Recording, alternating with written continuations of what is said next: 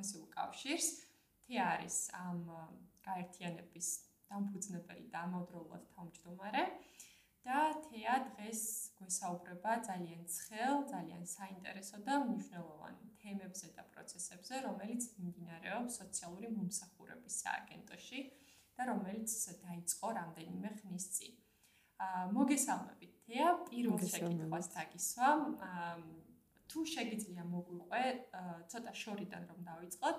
მომსახურების სააგენტო, რომელიც არის ჯანდაცვის სამინისტროს ერთ-ერთი სიპი, ჯანდაცვის იგივე შრომის სამინისტროს სოციალური დაცვის ამავდროულად აა უკვე ძალიან დიდი ხანი არის საზოგადოებაში მომწიფებული არის აზრი იმის შესახებ რომ აი ამ სამსახურში თავად დასაქმებულების მდგომარეობა არ არის სახარბიელო და დასაქმებულები აწყდებიან რიგ პრობლემებს და ზოგ შემთხვევაში როგორც ისინი აღნიშნავენ თავად ხდებიან ხოლმე სოციალურად დაუცველ მოსახლეობის რიგებში.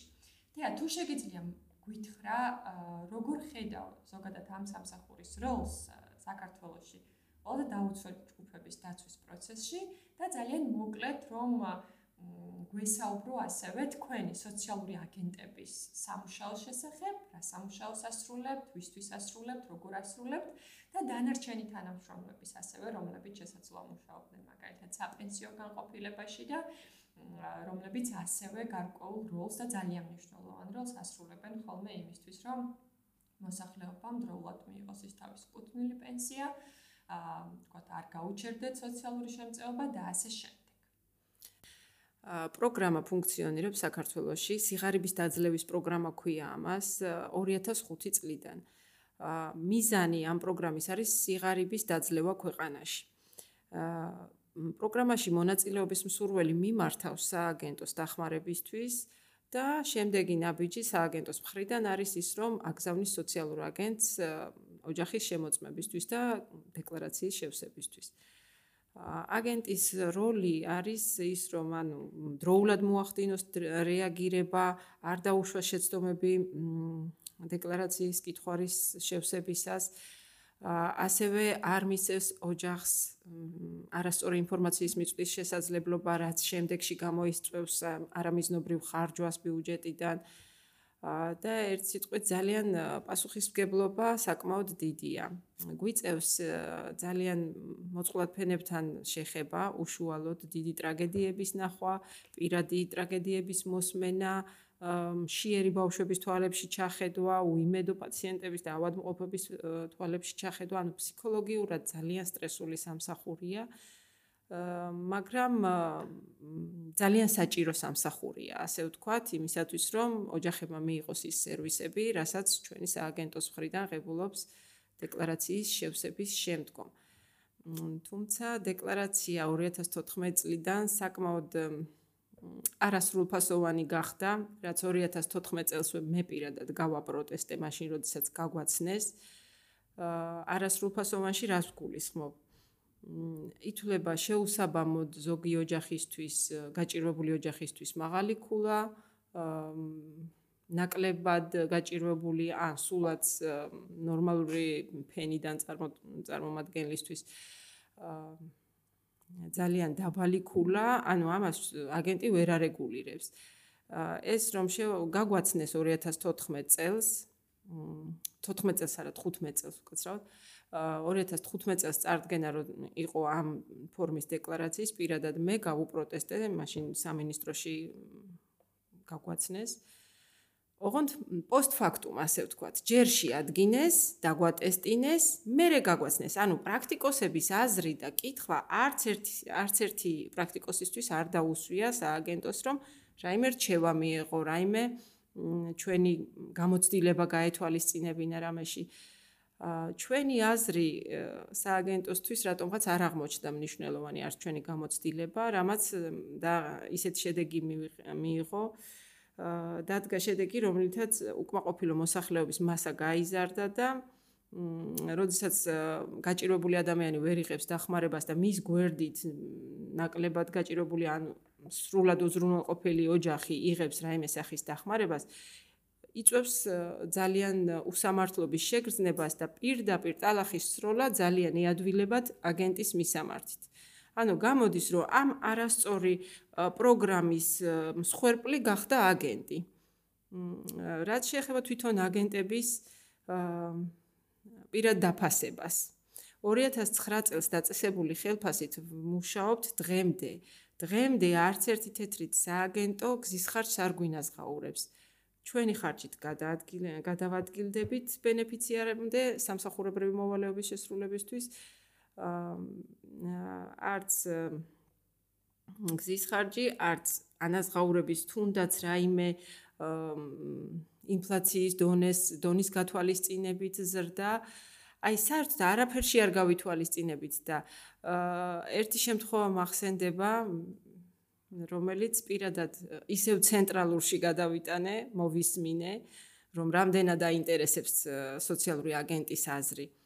შევთავაზე შევთავაზე რა საუბრობდით, განვიხილავდით ამ დეკლარაციას და შეუსაბამობა დეკლარაციის კითხვართან დაკავშირებით აღნიშნე, რომ ეს არის არასწორი, რომ ეს არის დაუცველებისთვის უთანასწორო მდგომარეობაში ჩაყენება და მივიღე ასეთი პასუხი: შენ ვინ გითხრა იფიქრეო? შენ დაგავალეს შეასრულეო. ეს არის რა ვიცი, რაც არის თქვენ თვითონ მიხვდებით. რა დამოკიდებულება აქვთ? თემას შეეხე ზოგადად, როდესაც რაიმე სიახლე ინერგება ხოლმე სამწუხაროდ, ну, ყოველ შემთხვევაში იმ სფეროში, სადაც თქვა სოციალური აგენტები ან სოციალური მუშაკები მუშაობენ, პრაქტიკოსების აზრი, რომელთაც ყოველდღიური შეხება აქვთ მოქალაქეებთან, რომელთაც ასე თქვათ, რაღაცა მაჯისემაზე უდევთ ხელი, მათი აზრი არ არის ხოლმე გათვალისწინებული. ასეც არის ჩვენ შემთხვევაში. ფიქრის უფლებაც არ გვაქვს, თურმე უნდა ვიკითხოთ, ვიფიქროთ თუ არა. და დაველოდოთ ნებართვას. თქვენ მიუხედავად იმისა, რომ აი ამ დეკლარაციებთან რითაც მოსახლეობის, ესე თქვათ, სიღარიბე ფასდება, ქონდათ შეკითხვები, მიიღეთ ასეთი პასუხი, რომ თქვენ არ უნდა არ უნდა ჩავერიო. შექმნის პროცესში მონაწილეობას.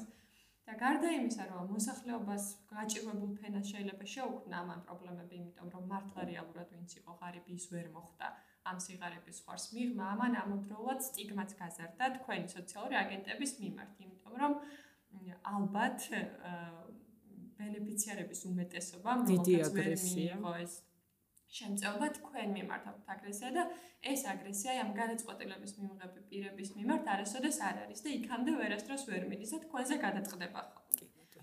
ეს თუ აისახება თქვენი უსაფრთხოების უსაფრთხოებაზე, ანუ თუ შექმნიათ ემოციური საფრთხე ერთი, ესეც ძალიან მნიშვნელოვანი საფრთხეა და ფიზიკური საფრთხის წინაშე შეიძლება აღმოჩენილიყავით თუ გახსენდებათ ასეთი მაგალითი. კი ბატონო, როგორ არა? არაერთი შემთხვევა ყოფილა, მოუყოლიათ აგენტებს. მე პირადადაც შემთხვევია, რომ საცემად გამოუწევია კაცს, როდესაც არ დავთანხმდი ინფორმის დეკლარაციის შევსებაზე, რა ფორმითაც მას უნდა და რომ შეევსო, ანუ სამი წევრის დაფიქსირება უნდა და ერთი ადამიანი ცხოვრობდა რეალურად და მეტი თანხა რომ მიეღო ანუ არასწორ ინფორმაციას მაწვდი და ამას არ დავთანხმდი გავაუქმე განაცხადი და აქედან გამომდინარე წამოვიდა ისეთი აგრესია, რომ ქუჩაში საცემლად მდია. ბოლოს პატრულის შიშით დაწყნარდა და განეიტრალდა. თუმცა მე ჩემ შემთხვევაში გადავრჩი. სხვა შემთხვევები ყოფილა, როდესაც აა ანთებული ასანთით დამუქრებია გაზის ბალონთან, რომ ეხლა შენ თუ ისი არ დაწერ როგორც მე მინდა, აი ამ ბალონს გავხსნი და ორივე დავიწვევით. ყოფილა შემთხვევა, როდესაც კომპიუტერი და არტყა სამსახურში აგენტს ბენეფიციარმა. ან სკამი დაამტრია თავზე, ან დანიცდია, თოფით გამოუვარდა. არაერთი შემთხვევა არის რა. რეაგირება სამსახურის მხრიდან დაცვის მხრივ. არც ერთი არ ყოფილა, არანაირი შემოთავაზებაც კი არ ყოფილა, რომ აი ესეთი ფაქტი დაფიქსირდა, ტრამვა მიიღო, იცემა აგენტი, მოდი მოვახდინოთ პრეცედენტი, დავსაჯოთ ის ადამიანი, თუ ფსიქიურად დაავადებულია გაუშვათ იძულების მკურნალობაზე ან თუ არ არის ფსიქიურად დაავადებული დაისაჯოს არანაირი დაცვა სააგენტოს მხრიდან შემოთავაზებული არ ყოფილა. ისე სახლში მკურნალობა ჩაიტარა ადამიანმა და რა თქმა უნდა ფსიქიურადაც დიდი სტრესი არის ეს. მარტო ნუ ძალადობის ფაქტები არ არის ფსიქიური სტრესი, ანუ ფსიქოლოგიური სტრესი არის ძალიან ძნელი ამბავია ისეთი ფაქტების მოსმენა, რომ როდესაც რამდენიმე გადიდებულ სურათს უყურებ და ადამიანს აღარავინ არ ყავს, ძალიან ძნელი. ჩემ თანამშრომელს შაქარი ჩამოუყალიბდა სტრესის გამო, არანაირი გენეტიკური დაავადება არ ქონდა, მაგრამ იმ სამსახურებში მიღება სამსახურში მიღებული სტრესი ძალიან ემოციური ადამიანია და განიცდის ყოველას მდგომარეობას და საკუთარ ჯანმრთელობაზე აისახა ეს შაქრიანი დიაბეტი. მეც მქონდა ერთჯერადად ხოლმე საწევები შაქრის, იმიტომ რომ საკმაოდ გამანერვიულეს ოჯახში, როდესაც არ თანხმდები არასწორი დეკლარაციის შევსებაზე. იქვე ხდება აგრესია, იქვე ხდება ზეწოლა, ლანძღვაც, გინებაც, ანუ კატასტროფა არის დახურულ კარს მიღმა, როდესაც მარტო ხარ და მთელი ოჯახი მობილიზებულია იმისთვის, რომ როგორღაც მოიპოვოს ის სასურველი ქულა, რითაც შემდეგში ათასებს მიიღებს და თუმცა რომელიც არ ეკუთვნის იმ ათასებზია საუბარი. რომლის მოპოვებაც უნდა. აი ზუსტად იმ არასწორად შედგენილი დეკლარაციის გამო, რაზეც საუბრობდი, მაგრამ კი, შემოსავლის მიმღები პირის დამალვა სოციალურ აგენტებზე რას ხედავთ რეალურად ოჯახში, ანუ არ არის დამოკიდებული ამ მოქალაქეების სოციალური ქულა, ქულა არა. ქულა არანაირად ჩვენზე გავლენას ვერ ვახდენთ ქულაზე, ეგ აცილებული გვაქვს ეგ პასუხისმგებლობა რეალურად. ჩვენი პასუხისმგებლობა არის დეკლარაციის სწორად შევსება, ანუ წევრების ფიზიკური მდგომარეობის სწორად დაფიქსირება, წევრთა შემადგენლობის სწორად დაფიქსირება, რომ არ მივცეთ შესაძლებლობა ან დამალოს შემოსავლის მიმღები ან ქონების მიმღები პირი ან ზედმეტად დაიმატოს იქ არ მცხოვრები ან დაავადებული პიროვნება ან რაღაც სარგებლის მიღების მიზნით შეიძლება რომ ჩაამატოს ადამიანი რომელსაც ჭირდება პოლისი მაგრამ რეალურად არ ცხოვრობდეს. ან სტუდენტის დაფინანსება უნდადეს მაგრამ რეალურად სტუდენტი იქ არ ცხოვრობდეს და ზედმეტად იმატებდეს აი ამის პასუხისმგებლობა გვაქვს ჩვენ რომ ზედმეტი თანხები რომ არ გაიცეს არამიზნობრივად. აი ამ პროცესში უნდა შეუშალოთ ხელი. თორე ქულის დათვლაში ხო ვერანაირად ვერ მონაწილეობს არის ცვლადები, რომელიც განაპირობებს ქულის დათვლის პროცესს. დიახ, აი რასაც წესით ჩვენ საუბრობ ფიზიკური საფრთხე და ემოციური საფრთხე გარდა იმისა, რომ თქვა უკვე დამდგარი ფაქტზე არ ყოფილა რეაგირება სამსახურისგან, ну, შესაბამისად, რაცა ვფიქრობ, რომ ალბათ პრევენციის ღონისძიებებიც არ არსებობს, რომ აი თქვენ აღჭურვილი იყოთ, რაც უსაფრთხოების წესი, თან თქვა წყვილში გადაადგილდებოდეთ, რაც შეიძლება დაგიცავდა დოდესაც ერთი ამ ამ აგენტი აღმოჩნდებოდა საფრთხეში, თქვა მეორე შეეძლებოდა ტელეფონზე დარეკვა. და ამავდროულად, რასაც ამბობ, რომ აი ფიზიკურ ჯანმრთელობასთან დაკავშირებით შეიქმნა უკვე შემთხვევები, ეს თქვენი საქმიანობა ძალიან თქვენ საქმიანობას ისევ როგორც სოციალური მუშაკების და სხვა ჯგუფების საქმიანობებს ძალიან ახასიათებს პროფესიული გადაწვა, რომელიც შეიძლება გამოვლინდეს ემოციურ ემოციურ პრობლემებში და შეიძლება გამოვლინდეს ფიზიკურ პრობლემებშიც. აი ამ კუთხით გასაგებია რომ არაფერი არ ყოფილა თქვენს მიმართ, ანუ არ დაგხმარებია თქვენი სამსახური ამ სტრესთან გამკლავებაში. მაგრამ თუ არსებობს მაგალითად ნორმალური ჯანმრთელობის დაზღვევა მაინც, რომ უკვე დამდგარი შედეგით მიხვიდეთ და ისარგებლოთ, მოკლედ, კარგი ჯანმრთელობის დაზღვევით. ჯანმრთელობის დაზღვევა, როგორც ასეთი ჩვენ არ გვაქვს სამსახურეობრივი დაზღვევა, გვაქვს თავაზობენ ფასიან დაზღვევას, რომლის შეძენაც ჩვენ უნდა შევიძინოთ პირადი სახსრებით. აა რის შესაძლებლობასაც ჩვენი ხელფასი არ გვაძლევს ნამდვილად. ჩემი ხელფასის მეოთხედი დაზღვევაში რო გადავიხატო, სახში რაღა მივიდანა, ხო? ანუ ფაქტიურად მეოთხედის გადახდა მიწევს თუნდაც იმ შეღავათიანი ტარიფით. აგენტოს დანარჩენი თანამშრომლები, ადგილობრივი კადრის სპეციალისტები, უფრო სპეციალისტები, მთავარი სპეციალისტები საერთოდ დაავიწყდა სააგენტოს, რომ არსებობენ ეს ხალხი და ამათაც უნდათ არსებობა. 2007 წელს რა ხელფასიც დაუწესეს 2021 წელს იგივე ხელფასით მუშაობენ არც ერთი თეთრი არ მომატებია ამ ხალხს რა თქმა უნდა ახლა ამ ინფლაციის და ამ გარემოებების გათვალისწინებით რაც დღეს საქართველოში ხდება, ხო? აი თვალსაჩინოებისთვის შემიძლია წარმოვადგინო თუ უცხოური მაყურებელიც გოყოლება და რაღაც. თვალსაჩინოებისთვის აი ძალიან ისეთ კარგად ჩანს დოლარში თუ გადავიყვანთ ძველ ხელფას და დღევან ძველ ხელ იგივე ხელფას ოღონდ დოლარებში გამოვსახოთ. სპეციალისტის ხელფასი 2007 წელს როცა დაწესდა ეს ხელფასი იყო 250 დოლარი ну რა თქმა უნდა დოლარებში არა, ლარებში იყო, მაგრამ აი თვალსაჩინოებისთვის დღეს არის 126 დოლარი. აა მთავარი სპეციალისტის ანაზღაურება იყო 300 დოლარი, დღეს არის 151 დოლარი. აა მთავარი სპეციალისტები, ის უფრო სპეციალისტების და მთავარი სპეციალისტების ხელფასი იყო 362 დოლარი და დღეს არის 186 დოლარი. ანუ 100 დოლარად როგორ შეიძლება იცხოვროს ადამიანმა? 127 დოლარად. ნუ იგივე 360 ლარად. კარგი, დოლარს თავი დავანებოთ. 360 ლარად როგორ შეიძლება სიღარიბესთან მებრძოლ სააგენტოში დასაქმებულს, რომელიც დილიდან საღამომდე ზის და აკეთებს სააგენტოს საქმეს, კონდეს ეს ანაზღაურება, რომლით რომლის უკანაც დგას ოჯახი, ხო, რომელიც ინახავს ოჯახს თავისი შემოსავლით. მას არა აქვს იმისი ალტერნატივა, რომ გავიდეს სხვა სამსახური იშოვოს. ну ოჯახის წევრებს შეიძლება კონდეს სხვა შემოსავალი, მაგრამ თვითონ იმ ადამიანს გულისხმობ, რომელიც არის სააგენტოში დასაქმებული, სხვა სამსახურს ხო ვეღარ შეითავსებს სპეციალისტ დილიდან საღამომდე დასაქმებული, ხო? ადგილზე მყოფი. ძალიან ცუდი მდგომარეობა არის და ამან გამოიწვია დააგროვა, დააგროვა წლების განმავლობაში, ანუ ეხლა კი არ მიმართეს ამ ხალხმა. განცხადებით, სიტყვის შეხვედრების დროს სიტყვერად ახსენებდნენ თავს და სწხოვდნენ, რომ მიექციათ ყურადღება, მაგრამ ყურადღება არის 0. არანაირი, აი არც ერთი თეთრით არა დაზღვევა, არა დეკრეტული შვებულების ანაზღაურება. ჩვენც ხო რეპროდუქციულ ასაკში მყოფი ხალხი ვართ და გვინდა რომ ერი გავამრავლოთ და ასე ვთქვათ, ჩვენი წვლილი შევიტანოთ.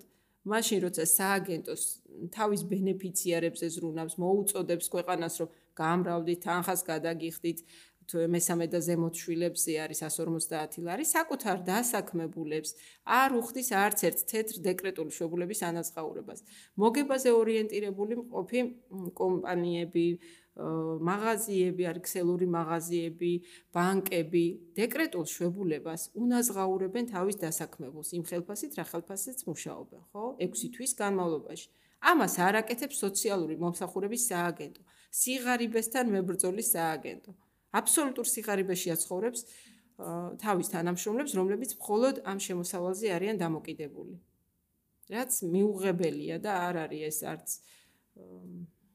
არ არის ეს არც დემოკრატია, არც თანაბარი მზრუნველობა. ჩვენ ხო ვართ თანასწორუფლებიანები, ხო? თქვენი სოციალური აგენტების ხელფასის შესახებაც მნიშვნელოვანია იცოდეს საზოგადოებამ, რამდენი გაქვთ ახლა ანაზღაურება და რაში ყოფნით თუ არ ყოფნით ეს შემოსავალი. საწავიღოთ აღარ ვიცით. ფიქსირებული ანაზღაურება გვაქვს 200 ლარი და ერთი ერთეულის, ერთი ოჯახის შემოწმებაში გვიხდის აგენტო 4 ლარ და 80 თეთრს. რაც იყო 2009 წლის იანვარში, იგივე არის დღეს. 13 წელი გავიდა, ხო, ფაქტიურად არაფერი არ არის ეს 4 და 80 მით უმეტეს მაშინ, როდესაც გზის თანხა არ გვაქვს გამოყოფილი. ფაქტიურად, ფაქტიურად რამოდენიმე, ანუ როგორ არის იცით? ერთი ოჯახის შემოწმება თავის თავს ხო ხარჯავს უკვე. ანუ ის ხარჯში მიდის ფაქტიურად ის შემოსავალი, რასაც გვაძლევს და ვართ 200 ლარზე. ანუ გამოდის რომ ერთი ადამიანის საარსებო მინიმუმი აქვს დანიშნული ხელფასად მშრომელ ადამიანს, რომლის უკანაც დგას ოჯახი. რომელმაც უნდა შეინახოს, შეიტანოს რაღაცა.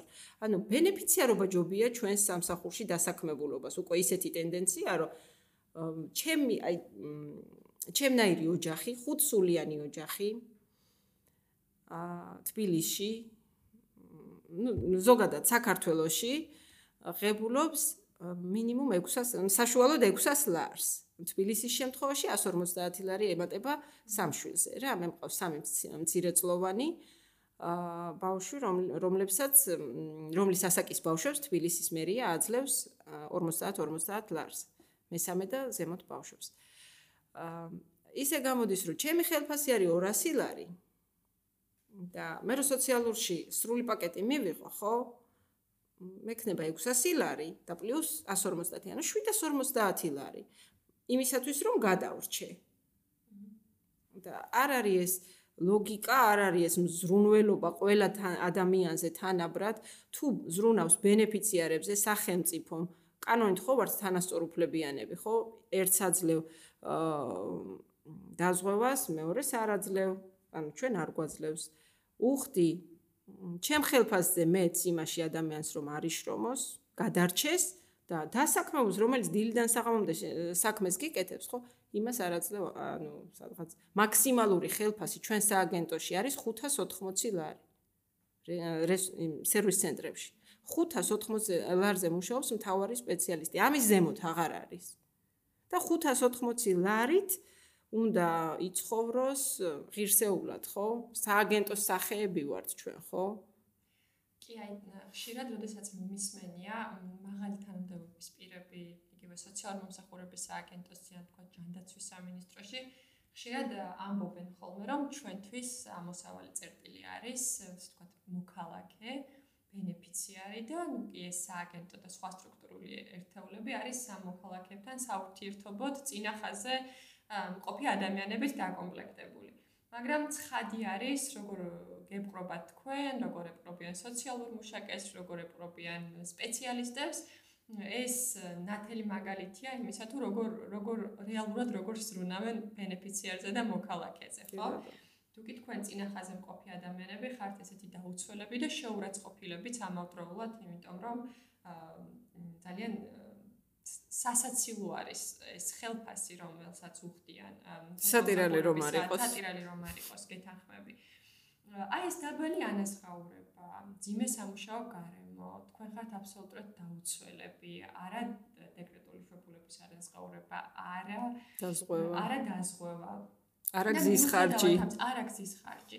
მიუხედავად ამისა თქვენ თავდადებულად განაგრძობთ მოქალაქეების მსახურებას და სამწუხარო არის ხოლმე რომ ეს არც ერთხელ არ არის აღნიშნული რომ აი ამ წლების განმავლობაში ისევე როგორც ეს იყო სოციალური მუშაკების შემთხვევაში ძალიან სიმბოლურ ანაზღაურებაზე ზოგჯერ მე მგონი საკუთარი ჯიბიდანაც კი ამატებთ იმისთვის რომ გადააჭრა. ბევრჯერ ყოფილა რომ გაჭირვებული ოჯახი რომელიც უნდა დაელოდოს რამ ორი თვე ან სამი თვე სოციალურ დახმარებას, ხო?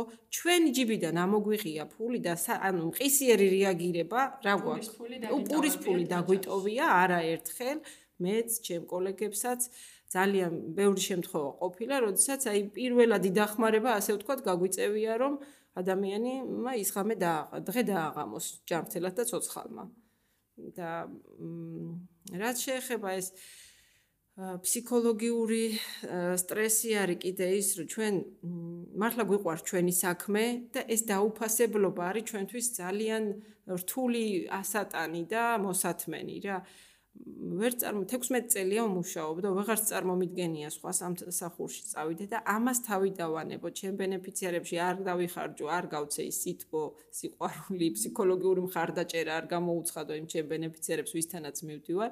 ზოგისთვის ფსიქოლოგი ვარ, ზოგისთვის ექთანი, ექიმი, რა ვიცი, რაღაც ანუ იმ მომენტში სხვადასხვა ფუნქცია შეიძლება უცებ აღმოჩნდეს ისეთი სიტუაცია, რომ წამალი მიაწოდო, წნევა გაუსინჯო რაღაცა, ანუ ესეთი რაღაცები ხდება ხოლმე ოჯახებში.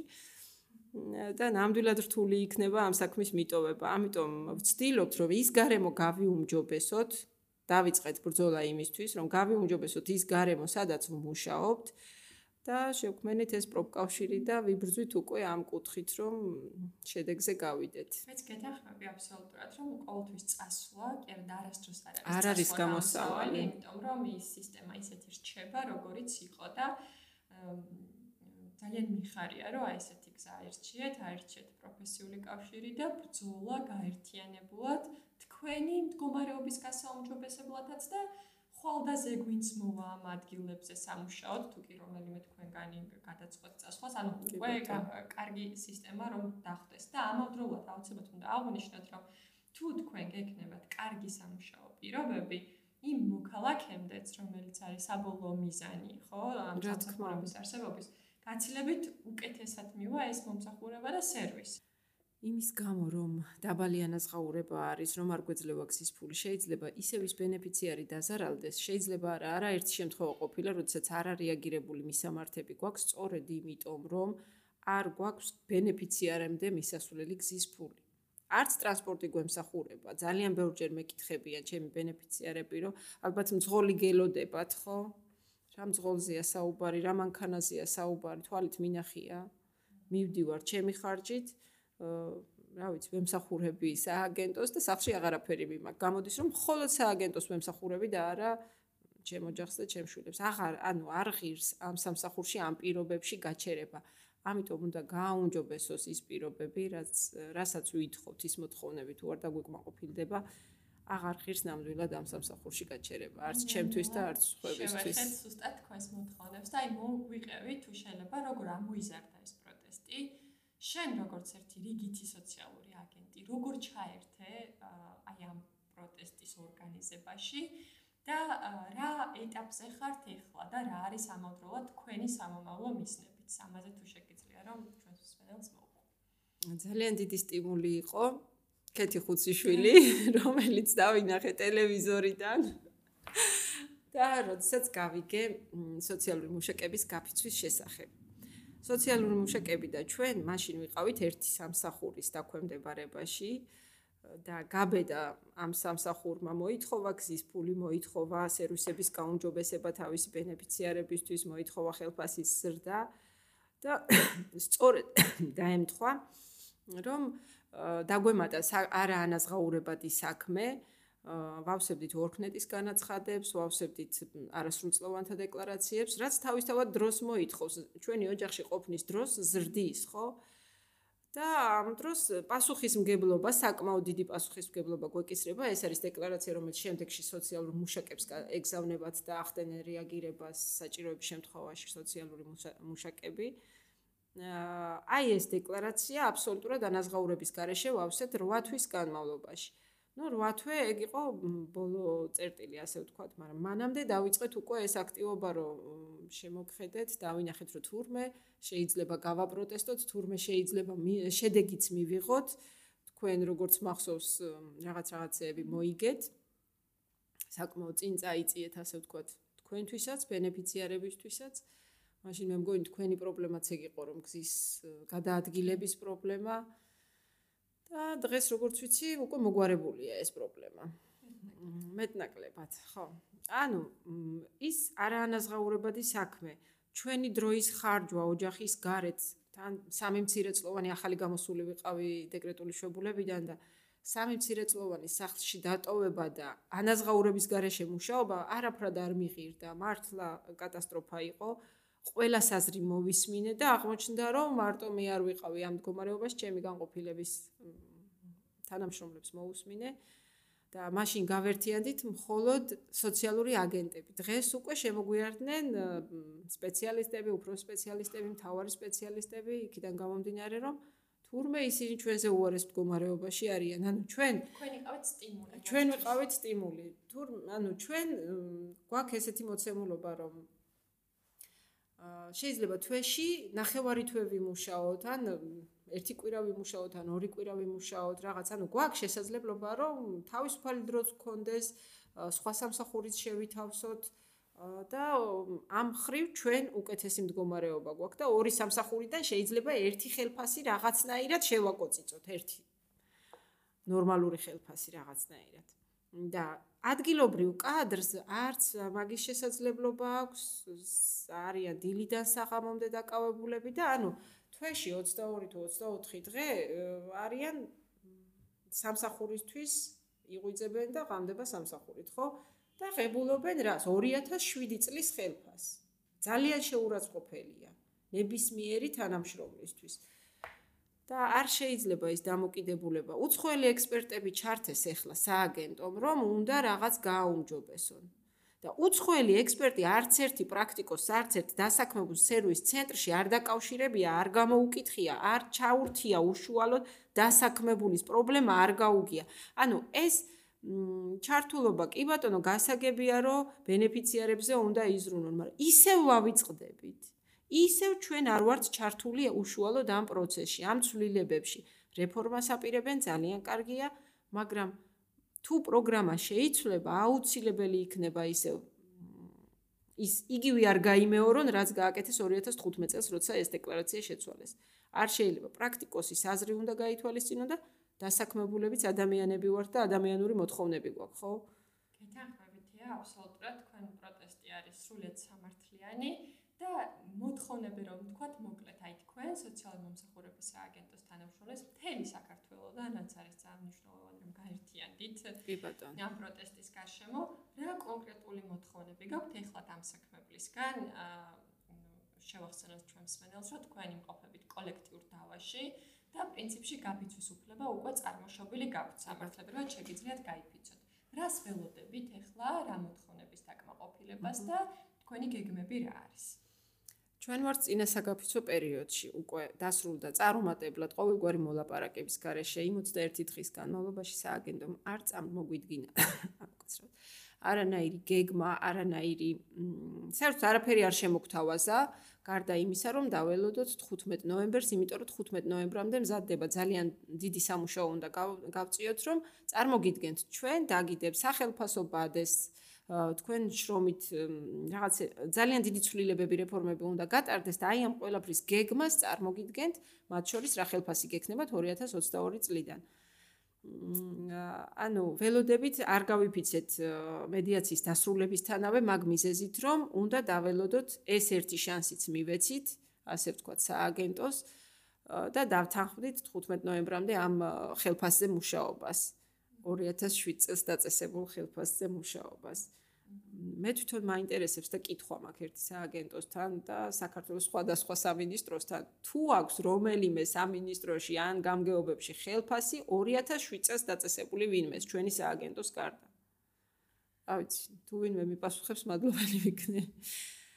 აა რაღაც ჩამეკითხე და კითხვა მექნება, როგორ ფიქრობ, რისგან არის გამოწვეული ეს არის ცუდი მენეჯმენტის რომ აქამდე არ ქონიათ რომ აი რასაც შენ ამბობ ეს არის აგენტო რომ რომელიც ცნობილია დამსაქმებულებთან ყველაზე ცუდი მოპყრობით. და თქვენი გამოცდილებიდან. თქვენი გამოცდილებითაც თქვენი გამოცდილებითაც ჩვენი სოციალური მუშაკების სოციალური აგენტების საპენსიო თანამშრომლების და ასე შემდეგ რითი არის ეს გამოწვეული როგორ ფიქრობ და რამდენად შეიძლება შეიცვალოს ან როგორი მოლოდინები გაქვს ამ პროცესის მიმართ რაც ახლა მიმდინარეობს? მენეჯმენტს ეძახიან ეგენი იმას რომ ერთთვიანი ხელშეკრულებები გაგვიფორმეს. მოტივი ამ ერთთვიანი ხელშეკრულების, ანუ ქვეტექსტი, ასე ვთქვათ, რა იყო? თანამშრომლების დაშინება, ხო? ერთ, ანუ ამოიღებ ხმას ერთ თვეში, ანუ გეტყვი რომ აღარ მჭirdები, უბრალოდ დაგიმთავრდა ხელშეკრულება და გაგიშვებ. ანუ დაშინება იყო ამისი ქვეტექსტი, რითაც ნებისმიერი ძალიან აი პროტესტის დაწყების მომენტში ზუსტად ქონდა ერთთვიანი ხელშეკრულები რაც ჩემი პროტესტის პირადი პროტესტის ერთ-ერთი მიზეზი იყო, იმიტომ რომ დეკრეტში რომ გავედი 2 წლის წინ იყო 6 თვიანები, 1 წლიანები და 1 წლიანები იყო და დაუბრუნდი და დამხვდა 1 თვიანი, როგორც სტაჟიორს, როგორც პრაქტიკანტს. ესე იგი, რომ ვურეკავდი თანამშრომლებს, რომ შემოგვიერთდი ჩვენ ვიწყებთ პროფკავშირულ მოძრაობას, რას ლაპარაკობ, ერთი თვის მერე რო გამიშვან, პირველი პასუხი იყო კი მინდა როგორ არა აი გზაში ამდენი გვეხარჯება აი ხელფასი სახლამდე ვეღარ მიგვაქვს აი ინფლაცია უამრავი ზუსტად ერთი და იგივე ტექსტი მოდიოდა ყველასგან რომ ყველას უნდა და ელემენტარული საარსებო ხელფასი და არა ფუფუნებაზე არ არის აქ საუბარი საარსებო და გადარჩენაზეა მაგრამ ვერ გავბედავ, იმიტომ რომ ერთთვიანი ხელშეკრულება მაქვს და ჩემ უფროს ეწყინება. ჩემი უფროს რას ლაპარაკობ, მაშინ უნდა წავიდე. ბევრისგან მომისმენია, რომ არაერთხელ უთქვამთ, არ მოგწონს წადი, ვინ გიჭერს? იცი რამდენი რამდენს მოვიყვანთ? აი ესეთი პასუხი როგორ შეიძლება უთხრას გასცეს დასაქმებულს თავისმა უფროსმა ზემდგომა უშუალო რგოლის და ალბათ ის უშუალო რგოლის უფროსებსაც ზემოდან აქვთ ის ზეწოლა როგორც 2020 წელს ჩვენი მედიაციის პროცესი რომ მიდიოდა და მოლაპარაკებები ჩვენმა მაშინდელმა მაშინდელი ხელმძღვანელის მოადგილემ ეხლანდელმა უფროსმა რეგიონიდან რეგიონში იარა რეგიონის უფროსებს ესაუბრა. არ ვიცი იმათთვის ეგ იყო წნეხი ის გასაუბრებები არ ვიცი. შედეგი იყო ის რომ ის რეგიონები იმის ვიზიტის მერე ზეწოლას ახორციელებდნენ თავიანთი დასაქმებულების მიმართ და რამდენიმე შემთხვევა იყო ისიც, რომ პროფკავშირის წევრობის ლინკი რო შეავსეს იმ ადამიანებმა განცხადებაც გააგზავნეს დირექტორის სახელზე. რამდენიმე დღეში იმ ზეწოლების მერე უკან გაითხოვეს ეს განცხადებები, რომ თუ შეიძლება, ვაიმე, ვერ ვიბრძოლებ, იმიტომ რომ არ მინდა სამსახური დავკარგო. კი, მაგრამ რატო უნდა დაკარგო, რომ ვეკითხებ? აი, არ მინდა რომ სამსახური დავკარგო. всё, ნათქვამია ხო ყველაფერი. გაგებულია ყველაფერი. ესე იგი ვიღაცა დაემეშ დაემუქრა, ხო? თქვენი გამოცდილება კი. ეს დაშინების მცდელობები იგივე პროფკავშირში გაწევრიანებასთან ან პროტესტში ჩართვასთან დაკავშირებით ჩვენთვისაც სოციალურშაკებისთვის ძალიან მახლობელი არის. ერთი მხრივ თქვა მოთაფლის მცდელობებიც ყოფილა რომ აი ყველაფერი კარგად იქნება შენ ჩემი ფავორიტი თანამშრომელი ხარ ან პირიქით ირიბი მინიშნებები იმის თაობაზე რომ ადვილად შეიძლება ადამიანის სამსხურიდან გაათავისუფლო თუ კი ის ჩაიდეს ჩემი დასაქმებული ჩაიდეს შენთვის არასასურველ ქმედებას მაგალითად გაწევრიანდება პროფკავშირში ან არ ვიცი დაორგანიზებს საპროტესტო აქციას ან რაიმე ამდაგვარი ხო? და ამის გარდა ჩვენთან მაგალითად ყოფილა შემთხვევა ოჯახებისგან ოჯახების ჩვენი წევრების ოჯახების წევრების მიმართ ირიბი მუქარისაც. შეიძლება ასეთი პრაქტიკა არსებობდეს თქვენ თქვენთანაც თუ კი რომელიმე მათგანი მაგალითად საჯარო სამსახურში არის დასაქმებული კი ბატონო იყო რამდენიმე ადამიანი რამდენიმე დასაქმებული რომელმაც თქვა რომ თით რა ჩემი ოჯახის წევრები არიან ძალოვანებში და ნამდვილად არ მინდა პრობლემა შეუქმნა ამიტომ მე გავდგები განზე და ვერ შემოგიერთდებით ხელფასი გვინდა, რა თქმა უნდა, სულით ხორცამდე თქვენთან ვართ, მაგრამ ვერ შემოგიერთდებით და ხმას ვერ ამოვიღებთ.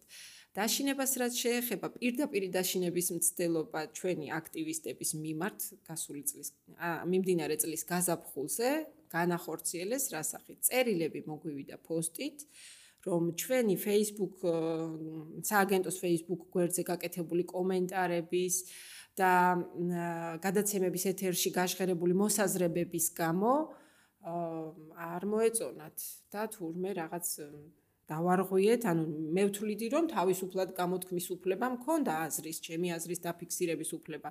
და აღმოჩნდა რომ ჩემი აზრები ვიღაცას არ მოეწონა და ამიტომ თავისუფლება მისცა რომ დაეწერა წერილობითი ფორმით და გამოეგზავნა ვინც ვაქტიურობს, ვინც ყოველთვის იბრძვის და მარტო ჩვენ არ ვართ, მაგრამ უფრო მეტად ვინც ჩანდა იმ მომენტისთვის 6 ადამიანს მიუვიდა ეს წერილი, დასაშინებელი წერილი.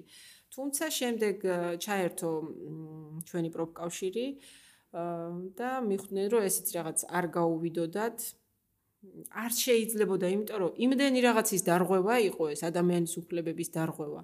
იმდენ ნუ ადამიანის უფლებათა კონვენცია, ევროპული რაღაც კოდექსები, რაღაც კონსტიტუცია, ანუ ყველაფრის დარღვევა იყო ის, რომ სიტყვის თავისუფლება შეგვიზღუდეს ფაქტიურად. აზრის გამოთქმის უფლება. რამე არასწორს ვამბობდით? ყველაფერი, რასაც ვამბობდით, ხო, იყო იმ რეალობიდან გამომდინარე, რა რეალობაში ჩვენ გვაცხოვრებს სააგენტო, ხო? ტალახს გვეს შესაჩერებლად გამოყენებული. ჩვენ შესაჩერებლად მარტო ჩვენ შესაჩერებლად არა. ანუ ქართველებს ესეთი გამოთქმა გვაქვს კოკავ გეტყოდნენ ლიტრავ გესმოდესო. ანუ ერთს ეუბნებიან მაგრამ სხვას აგონებენ ანუ ერთ ანუ ჩემთან მოვიდა ეს მესიჯი წერილი მაგრამ ეს უნდა გაეგოთ მთელ თანამშრომლებს და სამაგალითო ყოფილიყო ჩვენთვის ეს სასჯელი მაგრამ ქალბატონი თამარ ბარკალაია ჩაერია ცოტა მეტი იცის ცოტა რა გარკვევით მეტი იცის ამ ჩვენ უფლებებზე და არ მისცა სისულელის გაკეთების უფლება სააგენტოს. ძალიან კარგია რომ ესე გადაწყდა ეს ამბავი და ნუ არანაირი დისციპლინური სახდელი არ დაქის. ხო, ნუ აპირებდნენ. მაგრამ შემიძლია მოკლედ გასამხნევებლად დასაქმებულების თქვა ის რომ იგივე როდესაც შენ საუბრობდი ერთიან ხელშეკრულებებზე რომელიც რომლითაც ძალიან ადვილი არის რომ შეგიწყვიტონ ეს აღარ გაგიფორმონ უბრალოდ ეს ერთიანი ხელშეკრულება. ეხლა 6 თვიანები გვაქვს. 6 თვიანზე გაგვიზარდეს და შრომის ინსპექცია შევიყვანეთ ჩვენი მოთხოვნით შემოვიდა ჩვენ სააგენტოში და მათაც ნახეს იგივე დარღვევა და მიიღო სააგენტო მითითება რომ ვინც დასაქმებულია 30 თვეზე მეტი ამ სააგენტოში ეკუთვნის ხელშეკრულება განუსაზღვრელი ვადით. ასე რომ იანვრიდან ველოდებით მაგ განუსაზღვრელი ვადით დადებულ ხელშეკრულებებს. თუმცა გასული წლის იანვარშიც ველოდებოდით, იმიტომ რომ გასულ წელს წოწყოლაური შეგვირდა იგივეს და რა ვიცი. არა არ არ ანუ არავს არასრულებენ თავიანს დანაპირებებს. კიდევ რომ შევახსენოთ უბრალოდ ჩვენს მენელს დასაქმებულთა დაცვის მექანიზმის შესახებ, მაგალითად ჩვენ სოციალური მუშაკები არაუშუალოდ გაფიცვის პერიოდში, მაგრამ გაფიცვიდან ერთი წლის თავზე, როდესაც რეორგანიზაცია ჩატარდა, 33 მათგანი გაათავისუფლეს სამსახურიდან და უმეტესობა გათავისუფლებიდან იყო პროფკავშირის აქტიური წევრი და ფუძნებელი გამგეობის წევრი გაფიცვის ორგანიზატორი სამავდროულად. ეს ამ გზას, ანუ უკანონო გათავისუფლებას ნებისმიერ დროს შეიძლება მიმართოს დამსაქმებელმა, მაგრამ საბედნიეროდ სამართალი არის დასაქმებულების მხარეს ამ შემთხვევაში და ჩვენს მენელს შემიძლია ვთქვა, რომ ყველა საქმე, რომელიც თქვა, წავიდა სასამართლოში და რომელიც ჩატარდა, ყველა გადაწყდა სოციალური მუშაკების სამსახურში აღდგენით და განაცდურის განაცდურის ანაზღაურებით. განაცდურის ანაზღაურებით, კი. და ეს არის ძალიან მნიშვნელოვანი, რომ ვიცოდეთ, რომ ჩვენ ყოველ გვიცავს კანონი საბედნიეროდ ამ შემთხვევაში და ანუ არ უნდა შეუშინდეთ ბრძოლას ალბათ ეს იქნება ძირითადი მესიჯი, რაც გვინდა რა დღეს საზოგადოებას გავუგზავნოთ და მე კიდევ აი შემაჯამებელი ის რომ გავთქვათ ახლა, მე მგონია რომ თქვენი ბრძოლაც ახლა ძალიან ბევრი დასაქმებულისთვის არის მაგალითი. და ვისაც კი არც კი უფიქრია, კანდენ უფიქრია და გულში ჩუმად ყოფილა, ისევე როგორც თქვა სოციმშაკები თქვენთვის იყვნენ, მაგრამ რაღაცა ჯაჭურად გადაიცემა და ამიტომ არის ძალიან მნიშვნელოვანი ზოგადი გარემოს გაჩენსაღებისთვის. შენ რას მოუწოდებდი იმ დანარჩენ ადამიანებს, შენს თანამშრომლებს, შენს კოლეგებს, ან სრულიად სხვა სამსახურში მომუშავე ადამიანებს, რატომ არის ბრძოლა მნიშვნელოვანი? ჯერ ერთი ბრძოლას ყოველთვის მოაქვს შედეგი. ყოველთვის მოაქვს შედეგი, რაც დავამტკიცეთ გასულ წელს. 80 ლარი იყო მაშინ ჩვენი ფიქსირებული ხელფასი და გაიზარდა 200 ლარამდე ფიქსირებული ნაწილი, თუმცა არ შეეხო გამომუშავების ნაწილს, ანუ ოჯახის შემოწმება ერთი ერთეული იგივე ფასი დარჩა, რაც იყო 2009 წლის იანვრიდან. და დაშინებას რაც შეეხება და საფრთხეს რომ დამსაქმებელი გაგუშვებს 2019 წელს სერგენ ანუ ministrამდე მივედით 2019-ში მაშინ რო შეგვხვდეს სხვათა შორის მაშინაც იყო ეს დაშინების მცდელობები რომ აი ეხლა ხო რეორგანიზაციის პროცესია და ანუ ნამიოკი იმაზე რომ მინიშნება მაბადეთ მინიშნება იმაზე რომ შესაძლებელია რეორგანიზაციის შედეგად იქნეს გათავისუფლებული კადრი. არის აბსურდი იქედან გამომდინარე რომ ძალიან საჭირო ხალხი ვართ ამ სააგენტოს ძალიან ვჭირდებით არ ყავს გასაშვები კადრები, იმიტომ რომ ვინც მოვიდა ახალი და ტრენინგი გაიარა ყველა გარბის, ვერ უძლებს, ვერ წარმოუდგენია ახალგაზრდა დასაქმებულს მაძიებელს, სამსახურის მაძიებელს, რომ თავისი ხელფასი ხარჯოს სამსახურის საქმეზე. არც ერთი თეთრი არ არის, ხო, გამოყოფილი. რასაც ვიღებ ჩემი ხელფასიდან, ხარჯავ გზაში, ხო, ეს არალოგიკური, არავინ არ მოვა ამ სამსახურში, ამ ხელფასზე. თუ გაუნჯობესდება პირობები, მე შეიძლება გქონდეთ მაგის იმედი, რომ ვიღაც მოვა და ამ სტრესულ სამსახურში, ანუ არც ზამთარი მზე, წვიმა, ქარი, თოვლი, ძაღლის ყველანაირი საშინელება გამოგვივლია. გამობრძმედილი ხალხი ვართ უკვე, მრავალჭირნახული ასე ვთქვათ. და ამიტომ აღარ მეშინია არც დამსაქმებლის მუქარის და არც სამსახურიდან გაშვების. იმიტომ რომ ვერ გამიშვებენ ჯერ ერთი იმიტომ რომ პროფკავშირის უფლებები არის დაცული კანონით. აა მე იმიტომ რომ დასაკარგიც არაფერი მაქვს ვთვლი. მართლა არაფერი მაქვს დასაკარგი, რასაც ხელფას ვიღებ, იმას გზაში ვებხარჯავ და სახში მაინც ვიქნები, ხო? სოციალური უფრო მეტი და მენიშნება ვიდრე ხელფასი. მხარდაჭერა არის ძალიან საჭირო ჩვენთვისაც და შემდგომში სხვა მშრომელებისთვისაც. ჩვენი მხარდაჭერა ნიშნავს რეალურად ძალიან ბევრი დაჩაგრული ადამიანის მხარდაჭერას. იმის გამო რომ ჩვენ ხმა მოვიხეთ, ჩვენ თუ გვექნება მხარდაჭერა, ხო, ვერ გაგუშვებს სამსახურიდან სააგენტო, მიუხედავად იმისა, რომ არ მეშინია მაგამბის და დარწმუნებული ვარ, მაინც ვერ გაბედავს ჩვენს გაშვებას, ვერც რეორგანიზაციის მიზეზით და ვერც სხვა მიზეზით, ეხლა თუ გადაცდომა არ ექნება რეალურად იმ ადამიანს დასაქმებულს, ამ მიზეზით ბრძოლის გამო ვერ ვერც ჩვენ სამსახურში გაბედავს ვინმე და ვერც სხვა სამსახურში ეს უნდა გაიგოს ყველა დასაქმებულმა რომ თუ შექმნის გაერთიანებას რომელიც არის კანონით უზრუნველყოფილი რომლის უფლებაც აქვს ნებისმიერ დასაქმებულს რომ შექმნას პროფესიული გაერთიანება და ხმის ამოღების უფლება ოფიციალურად მოიპოვოს. მაშინ უკვე ვეღარავინ ვერ შეეხება, იმიტომ რომ მე მიცავს კანონი, მე ხმის ამოღების უფლება მაქვს. თავისუფალი სიტყვა ხო ისედაც თავისუფალია, მაგრამ რადგან ცდილობენ დამსაქმებლები სხვადასხვა სამსახურებში რომ არ მოგწონს წადი ამ პრინციპით ამუშაონ ხალხი, მათთვის ვიქნებით მაგალითი, რომ მოგბაძონ, რომ თავიანთ სამსახურში არ დაეჩაგვრინონ, იმიტომ მონები ხო არ ვართ რა. მონებად არ უნდა ვიქცეთ და გქონდეს ჩვენი ღირსების შეგრძნება და სხვამაც უნდა გაიხსენოს, ვინც მართლა მონურ მდგომარეობაშია, რომ ღირსება არსებობს, რომ უფლებები არსებობს და არ შეეგუოს არც ჩაგვრას სამსახურში, არც ექსპლუატაციას და არც დაბალანაზღაურებას, იმიტომ რომ ყველა შრომა უნდა დაფასდეს რეალურად, რაც არის დღეს ევროსტანდარტებით რო ვიწონებთ თავს, რომ აი ჩვენ მივდივართ ევროპისკენ. ევროპა 400 ლარიანი 360 ლარიანი ხელფასით შეგვიშვებს. მე მგონია რომ უნდა შერწყვეს ევროპას, რომ ესეთ ხელფასით ვინმე მიიღოს, უნდა დაუქნიოს თითი იქედან. იმედია იზავს ამას. მაგრამ რა ვიცი, რა ვიცი. ათია ზოგჯერ საზოგადოებისთვის ძალიან მხილავი არის ხოლმე ის სამუშაო, რასაც თქვენ წევთ, თქვენი სამუშაო აღწერილობის მიღმა. კი ბატონო. მე ვიცი რომ ბევრი მაგალითები გაქვთ, ოდესაც დახმარები ხართ თქვენ მოქალაქეებს, იმიტომ რომ თქვენ ხართ ის, ვინც აკაკუნებს მათ კარზე და არა ის, ვინც თქვათ რეფორმებს წერს და გადაწყვეტილებებს იღებს და ხომ არ შეგიძლია რაიმე მაგალითის გასაგები. აი სულ ახლა ხანს იყო ძალიან მაგარი დღე ერთ-ერთი ბენეფიციარის ოჯახში. ეს გააკეთა ჩემმა თანამშრომელმა, დანის აგენტი არის გია მეჩტაშვილი. რომელმაც თავის ბენეფიციარ მარჩენა ობოლ ბავშვს მოუწყო სიურპრიზი თავისი მეგობრების დახმარებით, იმიტომ რომ აგენტის ხელფასი ამაზე ვერ გაკაჩავდა, მაგრამ კეთილი ადამიანები შემოიგრო, შემოიკრიბა გარშემო, შეაგროვეს თანხა და დაბადების დღის უმამო ბავშვს დაბადების დღის საჩუქრად ველოსიპედი და უამრავი საჩუქარი მას და მის დედმამიშვილებს გადასცა და მართლა ბედნიერი დაბადების დღე აჩუქა ამ ბავშვს ამისთვის მართლა მადლობა გიას. ჩემგანაც პირადად და ვიხიბლები მისი კეთილშობილებით და ყავს კიდევ სხვადასხვა სუპერმენები სუპერგმირები მე ვარ თქვენ ყველა სუპერგმირები ხართ და ძალიან დიდი მადლობა იმ საქმისთვის რასაც აკეთებთ ჩვენი სოციალური მუშაკის სახელითაც და როგორც მოქალაქის სახელითაც იმიტომ რომ და ძალიან მნიშვნელოვანი არის რომ საზოგადოების ყურამდე მივიდეს ზუსტად ის თქვენი ხილული თუ უხილავი შრომა რასაც ყოველდღიურად ეწევით. წარმატებები თქვენს ბრძოლაში. იმედია თქვენი და ჩვენი გამარჯვებით დაგვირგვინდება ეს ამბავი.